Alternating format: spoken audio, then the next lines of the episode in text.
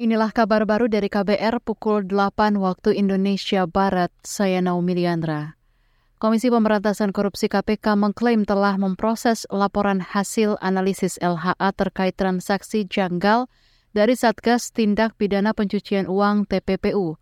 Ketua KPK Firly Bahuri mengatakan dari puluhan LHA itu, 12 laporan masuk tahap penyidikan. Total semuanya 33 LHA PPATK yang kami terima dari Satgas TPPU yang dibentuk oleh Menko Polhukam. Dari 33 LH PPTK tersebut, nilai transaksi, saya harus sampaikan, nilai transaksi di dalam LH PPTK tersebut sebesar 25 triliun 323 miliar 874 juta 885 ribu 910 rupiah.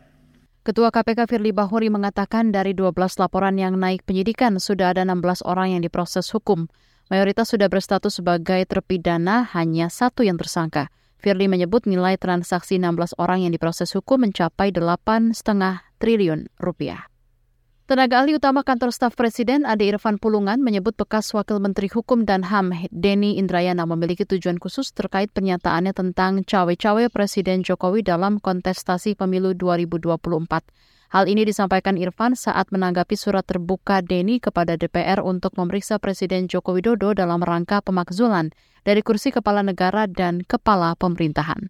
Sekarang terdaftar dari bakal caleg dari Demokrat Kalimantan Selatan 2 bisa saja ini menjadi bahan campaign dia untuk menaikkan eksistensi dia itu dan dia sudah mengaku itu. Jadi berpikirlah positif buat negara dan bangsa ini itu dia mantan pejabat mantan wakil menteri uh, hukum dan ham. Kenapa pikirannya tidak mau menginginkan negara Indonesia maju? Itu aja kajakan kepada dia Tenaga ahli utama kantor staf presiden Ade Irfan Pulungan mengatakan keputusan cawe-cawe presiden sah untuk dilakukan. Dia beralasan presiden ingin memastikan Indonesia menjadi negara maju di tangan pemimpin selanjutnya. Sebelumnya Denny Indrayana mengirimkan surat terbuka untuk DPR agar menggunakan hak angket memeriksa Jokowi dan memaksulkannya sebagai presiden. Menurut Denny sudah ada beberapa dugaan pelanggaran terhadap Undang-Undang Dasar 1945 hingga Jokowi layak untuk diperiksa oleh DPR. Wahana Lingkungan Hidup Indonesia Walhi menilai Presiden Jokowi mengabaikan kritik terkait peraturan pemerintah PP tentang pengelolaan hasil sedimentasi di laut. Manajer kampanye pesisir dan laut eksekutif nasional Walhi, Parit Ridwanudin, mengatakan rencana pemerintah membuat aturan turunan PP tersebut membuktikan bahwa pemerintah tidak mendengar masukan publik. Jadi dengan sedang disusunnya aturan turunan ya peraturan Menteri KP ini, ini menurut saya menunjukkan bahwa pemerintah itu tidak mau mendengarkan masukan publik ya, tidak mau mendengarkan uh, kritikan. Kenapa ramai-ramainya sekarang pas nyusun permen, nggak kemarin-kemarin pas nyusun PP-nya? Manajer kampanye pesisir dan laut eksekutif nasional Walhi, Parit Ridwanudin, mengatakan dengan tidak melibatkan publik dalam penyusunan PP tersebut mengindikasikan adanya kekeliruan dalam penyusunan.